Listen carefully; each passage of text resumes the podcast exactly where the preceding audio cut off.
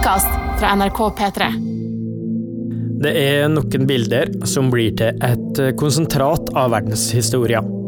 Sånn som den nakne jenta i Vietnam som løper hylende fra amerikanske napalmbomber. Che Guevara under kampene på Cuba, eller det andre flyet som treffer World Trade Center. Om 100 år så vil folk se tilbake på bildet av ei 15-årig jente med musefletter og en heimelaga plakat. Skolstreik før klimatet. Og da vil personen om 100 år, f.eks. oldebarnet ditt, tenke kanskje én av tre ting. Ha-ha, hun der skremte folk unødvendig. Eller det var faktisk hun der som mer eller mindre redda jorda vår. Eller så vil oldebarnet ditt kanskje si ja ja, de skulle hørt på Greta, men nå er det for seint. Right here, right now. Det er åpenbart et sånn barnestjerneapparat eh, rundt henne. The world is waking up. And change is coming.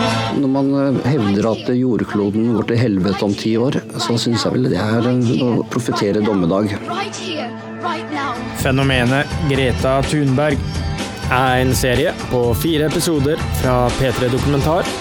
Første episode Hvem er Greta? Jeg leser fra boka Huset brenner, som er gitt ut av den tvangspensjonerte operasangerinna Malene Ernmann, mora til Greta Thunberg. Greta hadde nettopp begynt i femte klasse, og hun hadde det ikke bra. Hun gråt når hun skulle sove om kvelden. Hun gråt på vei til skolen. Hun gråt i timene og i friminutta, og lærerne ringte hjem nesten hver dag. Det var bare hunden Moses som hjalp. Greta satt med golden retrieveren vår i flere timer og klappa han og strauk han over pelsen. Vi forsøkte alt vi kunne, men ingenting hjalp. Hun forsvant inn i et slags mørke og slutta liksom å fungere. Hun slutta å spille piano. Hun slutta å le. Hun slutta å snakke. Og hun slutta å spise. Jag slutade äta, slutade prata. För jag kände att det är ingen mening att leva. Det her er historia om ei mobba og dødssjuk jente som har forandra måten verden forholder seg til klima på. For eksempel, i åra 2013 til 2018 så blei ordet klimakrise nevnt i snitt 450 ganger i året av norske aviser. I 2019 så ble ordet nevnt 4500 ganger, altså ti ganger så ofte. Klimakrise. Klimakrise, og er det med klimakrise? Everybody's joking now. The clock's run out. Time's up. Over. Plow. Snap back to reality. Eminems Lose Yourself lå på andreplass under Ketchup Song på VG-lista den 3. januar 2003, dagen da Greta Thunberg blei født. Låta kunne ha vært soundtracket til Gretas liv, for den forteller om et ungt menneske med et trøblete liv og oppvekst, som jobber så hardt med ord og budskap at det blir ei verdensstjerne som reiser fra kyst til kyst på de aller største scenene. I shouldn't be up here. I should be back in school. Og akkurat som med Eminem, så er det mange teorier rundt Greta Thunberg. Riktignok så er de om Eminem hakket sprøere. Den at han døde i ei bilulykke i 2005, og at det vi har sett seinere av han, er ei klona utgave. Heldigvis så er det teoriene rundt Greta Thunberg som jeg har undersøkt i denne serien. Altså teorier om at hun er så sjuk at hun bør skjermes. At hun er hjernevaska, driver med skremselspropaganda, og at det er mektige krefter som står bak henne og det såkalte barnekorstoget hennes. Greta Thunberg er jo noen som virkelig setter sinnet i, i kok. I eh, denne nevnte Facebook-oppdateringen og tråden til Anders Giæver så bruker han ord som martyr og barnekorstog. I noen måneder så har jeg undersøkt de her teoriene, og forsøkt å få tak i folk som både står nær henne og bak henne. Greta Thunberg fikk hjelp til å bli verdenskjendis på to måneder. Torén fant til slutt den perfekte ungdommen til å fronte sin sak.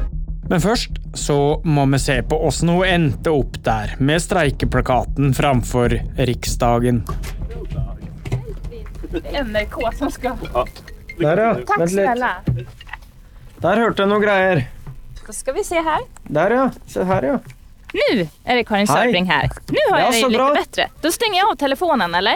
ja. Dock eh, sitter här i cykelkläder nu, så det är inte riktigt representativt. Karin Sørebring er en av de svenske journalistene som har fulgt Greta Thunberg og familien hennes tettest de siste åra. Ja, I min roll som reporter på Expressen har jag ju många gånger haft kontakt med mamma Malena Ernman eftersom hon är en mycket känd operasångerska. Hvor stor er hun Malena Ernman som operasangerinne?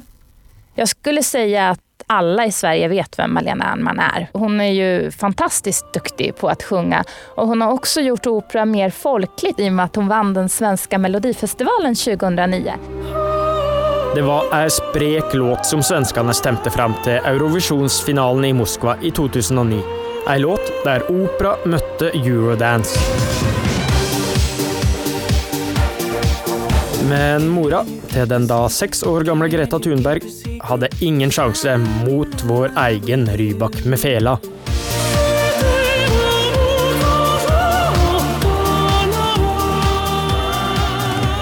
Siden Malena Ernmanns bestefar var pioner bak nødhjelp og flyktninghjelp i den svenske kjerka, så vokste hun opp med å stadig ha flyktninger og papirløse i garasjen.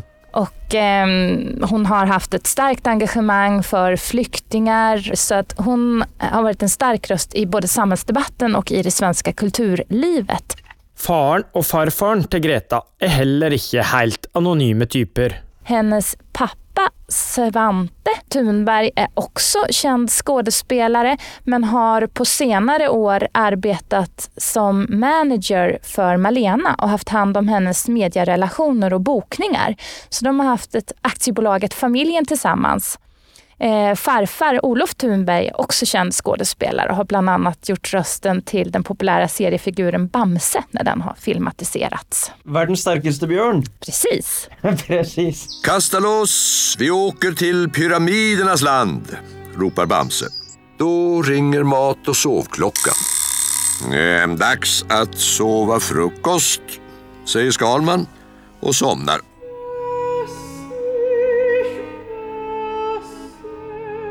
De seks første leveåra til Greta Thunberg så levde familien et omflakkende liv. så följde Svante og døtrene med på mange av de oppdrag som Malena hadde. At hun kanskje jobbet tre måneder i Tyskland eller tre måneder i Italien. Och då hyrde de en stor lägenhet och bodde på de här ställena under tiden för att familjen skulle kunna vara tillsammans. Berlin, Paris, Wien, Amsterdam, Barcelona, Salzburg, Aix-de-Provence. Familien reste rundt i Europa i en Volvo V70 med Greta og tre år yngre Beata baki. Dukkehus, bamser, trehjulssykler osv. lå slengt i bagasjerommet. Et intensivt liv der Malena toppresterte, men samtidig kunne være en nærværende forelder. Mor Malena øvde 20-30 timer i veka.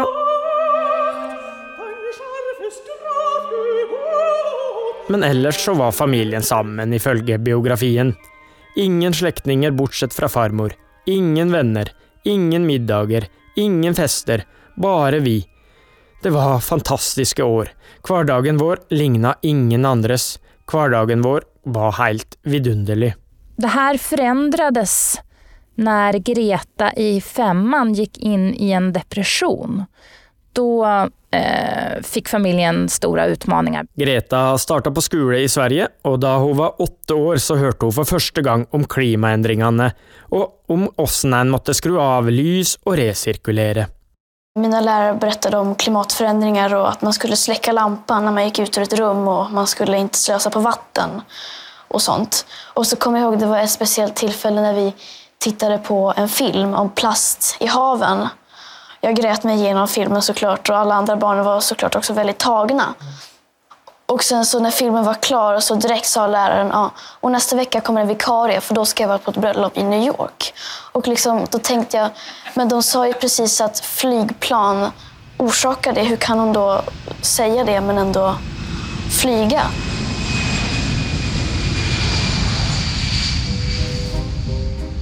Jorda ble danna for 4,6 milliarder år siden. Fra for 230 til 60 millioner år siden så var det dinosaurene som regjerte. De forsvant etter at en gigantisk masseutrydding av dyr og planter fant sted, trolig grunnet at en komet eller asteroide traff jorda.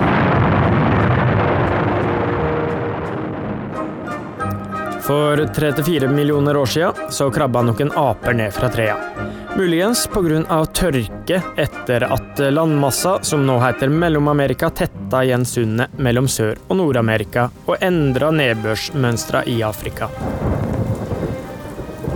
For 200 000 år siden så dukka Homo sapiens opp, og brukte 200 000 år på å runde ei befolkning på 1 milliard mennesker.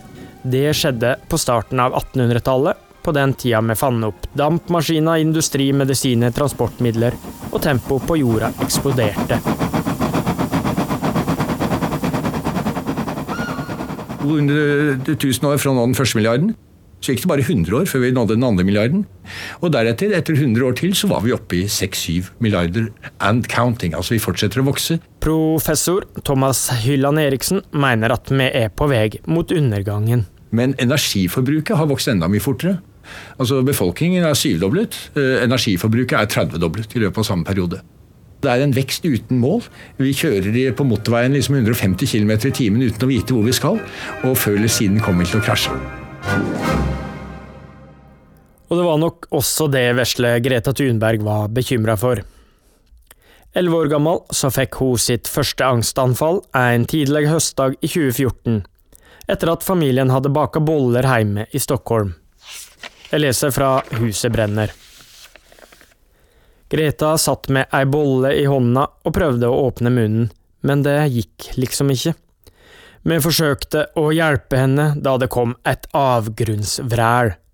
For første gang siden Greta var spedbarn, så hørte vi dattera vår skrike, i over 40 minutter. Etterpå sitter jeg med armene rundt henne, og hunden Moses har lagt snuta mot huet hennes. Kommer jeg til å bli frisk, mamma? Sjølsagt vil du bli frisk. Når? Jeg veit ikke. Snart. Greta sa när jag intervjuade henne och skriver i boken att hon alltid har känt sig annorlunda. Hon tog inte så mycket plats i klassrummet, satt längst bak. Samtidigt har hon alltid haft väldigt lätt för sig. Hon kan rabbla alla huvudstäder i verden og alle provinsers huvudstäder og hun kan prate baklänges og når hun interesserer seg noe, finns det inga gränser for hvor mye hun tar reda på. Greta har fotografisk hukommelse. Hun kan snakke baklengs, og kan navn og nummer på alle grunnstoffer i det periodiske systemet, sjøl om hun irriterer seg over at hun ikke kan uttale alle korrekt. Hon var inte en person som tog mycket plats i skolan. Och eh, hon har också berättat för mig att hon hade svårt att socialisera och förstå koderna, hur man skulle bete sig. Det här gjorde dels att hon blev ensam och det tror jag att hon kunde hantera som hon har beskrivit det. Men hon har också berättat att hon råkade ut för mobbning. Att folk faktiskt var väldigt taskiga mot henne.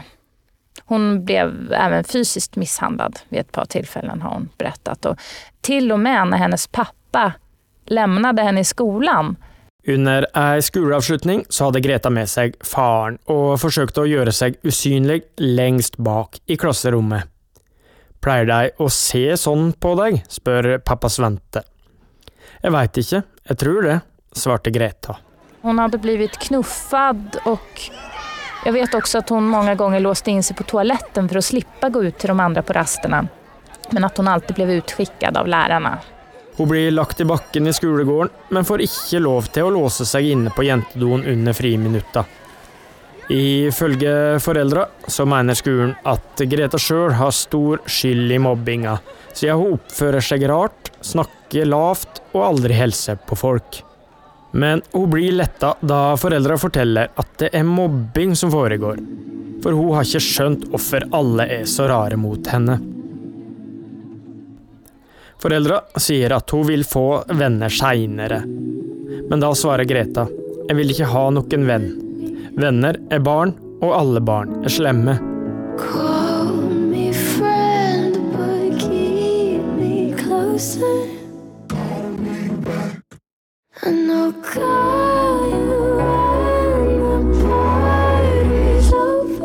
Hvor eh, sjuk og alvorlig var det med Greta Thunberg? I could lie, say I like it like that, like it like that. Familjen beskriver det som att Greta var livshotande sjuk. Dels hade hon depressionen och dels har hon tvångssyndrom, OCD. Och det yttrade sig bland annat i att hon hade stora problem med att äta. Det var bara vissa saker, till exempel ris och avokado som hon kunde äta. Och då var det på ett visst klockslag, en viss mängd och det kunde ta nästan två timmar för henne att försöka peta i sig den här maten. Oftast lyckades hon inte få i det. Greta bruker to timer på fem pastabiter gnocchi. Hun orker ikke å gå i trapper lenger, og scorer skyhøyt på depresjonstester. Etter å ha levd sine seks første leveår omstreifende rundt i Europa, så blir hun nå fullstendig stadfast. Hun blir tatt ut av skolen, og faren Svante er hjemme med henne. Når hun var hemmasittare så såg hun veldig mye dokumentärer og leste faktabøker om olika saker. Hun såg en dokumentär om så kallade negativa utsläppstekniker der man skulle fånga opp koldioxid på olika sätt. Och de var så entusiastiske i det här programmet men det avslutades med at programlederen sa at denne teknikken tekniken ikke än men vi hoppas at den skal finnes. Och då blev hon som liten flicka väldigt chockad över att man sätter hela sitt hopp till någonting som ännu inte finns och fungerar. Hon blev rädd av det. Jag slutade äta, slutade prata. För jag kände att det är ingen mening att leva. Det var många olika anledningar, men en anledning var, var klimatförändringar och allt går så fort. Det, hjulen snurrar snabbare, hamsterhjulen snurrar snabbare och så råkade jag ramla av hamsterhjulet på något sätt. Och så, och så såg jag det utifrån och tänkte att det här är fel. Vi kan inte fortsätta så här för man kommer ingen vart i ett hamsterhjul. Endringene går fort. Hun slutta å ete i september, og i november så har hun gått ned ti kilo i vekt. Over en femtedel av kroppsvekta. Och det var på en liten flickkropp, så det var riktigt, riktigt allvarligt. Och läkarna sa att om hon inte började äta så var hon tvungen att bli inlagd på sjukhus och sondmatas för att gå upp i vikt och klara livhanken. Men det tyckte Greta verkade så himla jobbigt. Det skjer noe med Greta under møtet med leger og psykiatere. Mora skriver Greta sitter taus, som vanlig. Jeg gråter, som vanlig. Dersom det ikke skjer noe i løpet av helga, så må vi legge deg inn på sykehus, sier legen. Etterpå, i trappa ned til utgangen, så snur Greta seg. Jeg vil begynne å spise igjen, mamma. Vi tar en banan når vi kommer hjem, sier pappaen. Nei, jeg vil begynne å spise igjen, som vanlig. Vi brister i gråt alle tre. Så drar vi hjem, og Greta spiser et helt grønt eple. Etter flere utredninger så får Greta Thunberg tre diagnoser. Aspergers, OCD, altså tvangslidelse, og selektiv mutisme, det å være stum når du vil. I don't really speak to people unless I really have to. Um, now you have to. yes, now I have to. Uh, but I hate small talking and, and I don't like too many people. Og Aspergers, det er en form for autisme, der de som er ramma, har vansker med det sosiale samspillet. Jeg tror det har påvirket alt. For om, om jeg ikke hadde haft Asperger og vært så konstig så hadde jeg fastnet i det her sosiale spelet som alle andre verkar være så fortjuste i. Og men... I motsetning til andre autister, så har ikke de med Aspergers særlig problem med språk eller vanlig utvikling, noe som gjør at det er vanskeligere å oppdage det. Så da Greta får diagnoser, så blir både foreldre og bekjente av familien fullstendig tatt på senga. Karin Sørbring i Ekspressen har sjøl unger med autisme.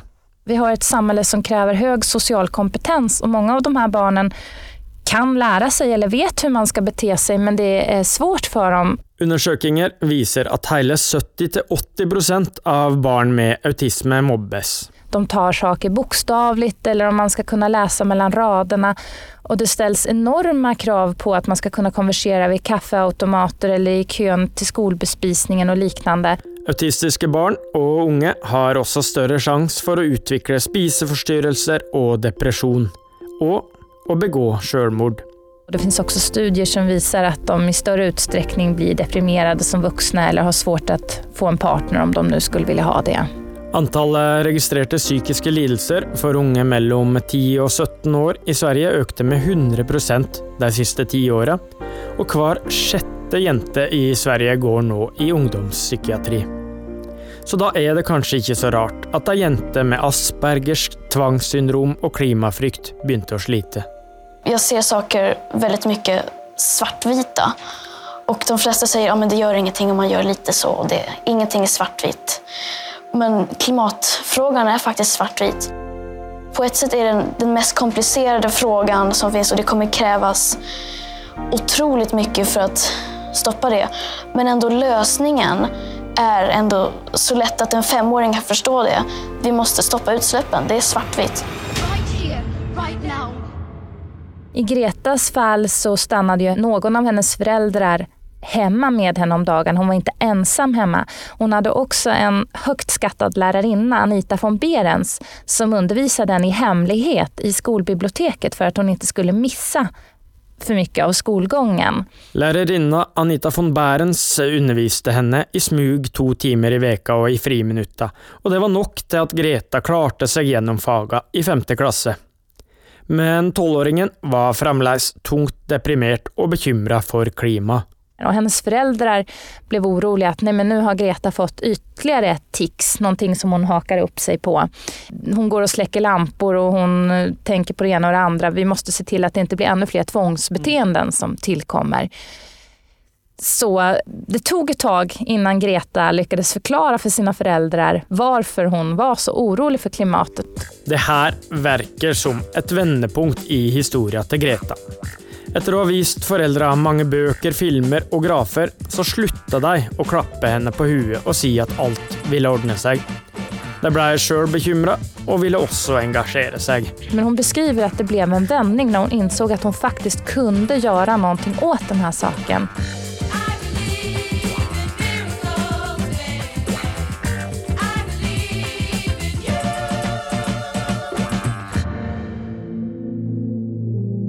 De første som fikk lide for Gretas nye mening med livet, var foreldra. Jeg fikk mine foreldre til å slutte å fly noen år siden. Og særlig eftersom at min mamma er beroende, eller var beroende av å fly for sitt jobb så fikk hun bytte karriere på noe sett. Men for nå, du er, hun er jo en veldig kjent sangerinne. Altså, det er en stor karriere. Men det, det hjelper ikke. Det er for dårlig ursäkt. Ja. Nu gör de musikaler istället i, i Stockholm. Familien måtte drastisk ned i inntekter.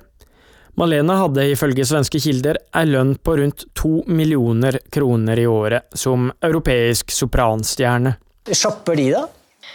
Eh, mm, absolutt ikke så mye som de brukte, men det hender iblant at att de gjør det. Forsøker de å, forsøker de å holde det skjult for deg, da? eller? Å gjemme unna? Ja. Men jeg, det er svårt å gjemme saker fra meg. Jeg, jeg ser når folk ljuger. og da, og da må de berette, og da skjeller jeg på dem. Och så.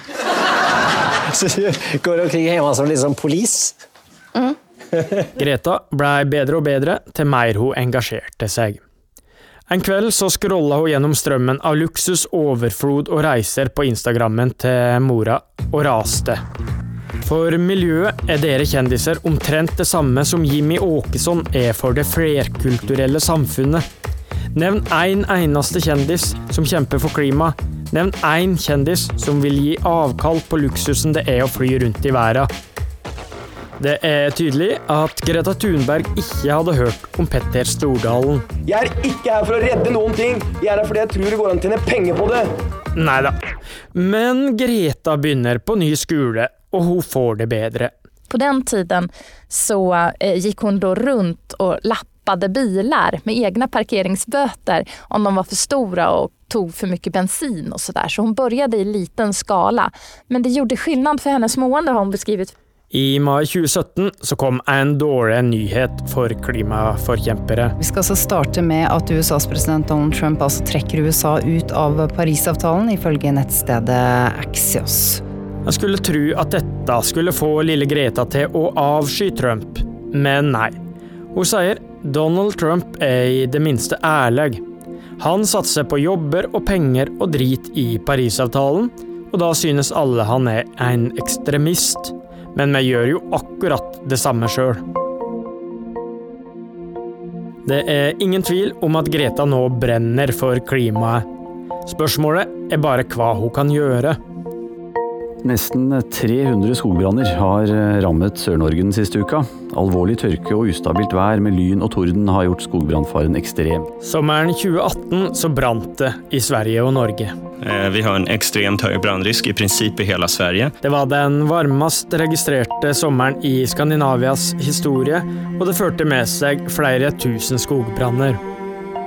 Det er rundt denne tida at Greta nå bestemmer seg for å skolestreike. Og det er her den aller første kontroversen rundt Greta Thunberg oppstår, om hvor ideen om skolestreiken kom fra. I familien Thunberg Ernmanns fortelling så heter det at Greta fikk en idé under et telefonmøte om å starte en svensk versjon av Zero Hour, ungdomsorganisasjonen som trener opp unge klimaaktivister. So when school started in August this year, I decided that this was enough. VGs Anders Giæver tror derimot ikke helt på at det var 15-åringens egen idé. Det er et åpenbart sånn barnestjerneapparat eh, rundt henne, og man kan ikke være så naiv at vi tror at hun liksom bare kommer av seg selv fra Sinai-fjellet, liksom. Kreftene bak Thunberg det skal vi til bunns i i neste episode. Uansett, foreldra var usikre på om en sånn streik var sunt for dattera, og skulle helst sett at hun glemte hele greia. Men under forberedningene til streiken så fikk familien møte den amerikanske klimaforskeren Kevin Anderson, som slutta å fly allerede i 2004. Da satt en veldig tyst liten flicka og fikk pappa å berette noe for de her forskerne som de träffade. Da faren til den stumme 15-åringen fortalte om streikeplanene, så svarte amerikaneren.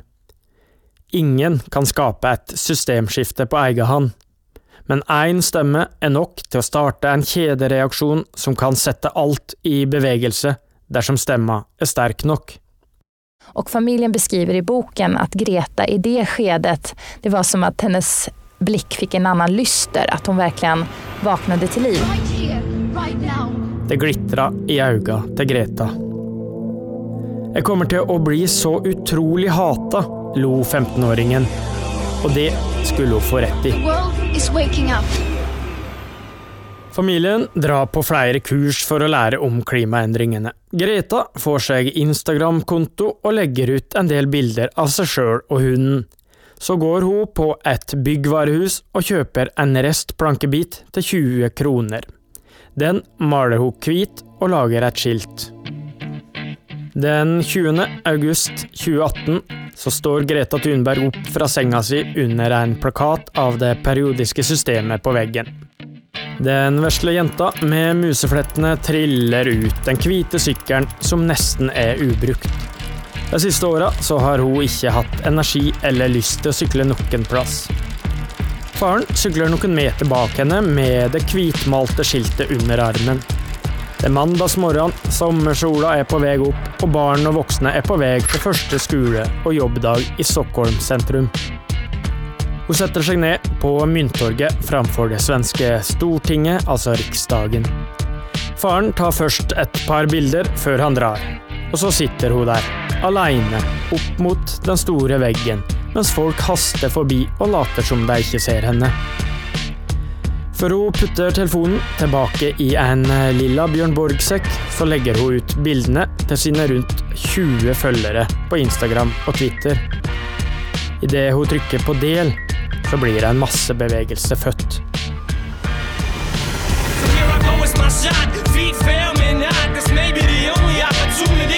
I. Neste episode Hvem står bak Greta? Jag tänkte också höra, Greta, du är jo också med och skriver i en bok som handlar bland annat om klimatet som kommer ut nu på fredag om jag har förstått saken rätt. Det här är ju någonting som har spridits av just PR-makare initialt og er iscensatt. Det er åpenbart at hun ikke agerer kun på egne vegne. Det er jo på en måte en som heter Bo Torén som fikk tak i Greta i 2018. Og det er hans idé dette med klimastreik. I karantene.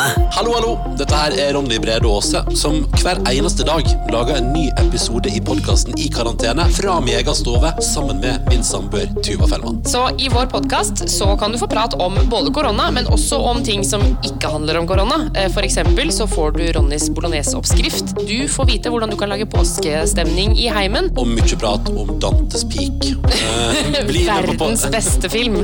I karantene, en podkast fra NRK P3. Hør i appen NRK Radio.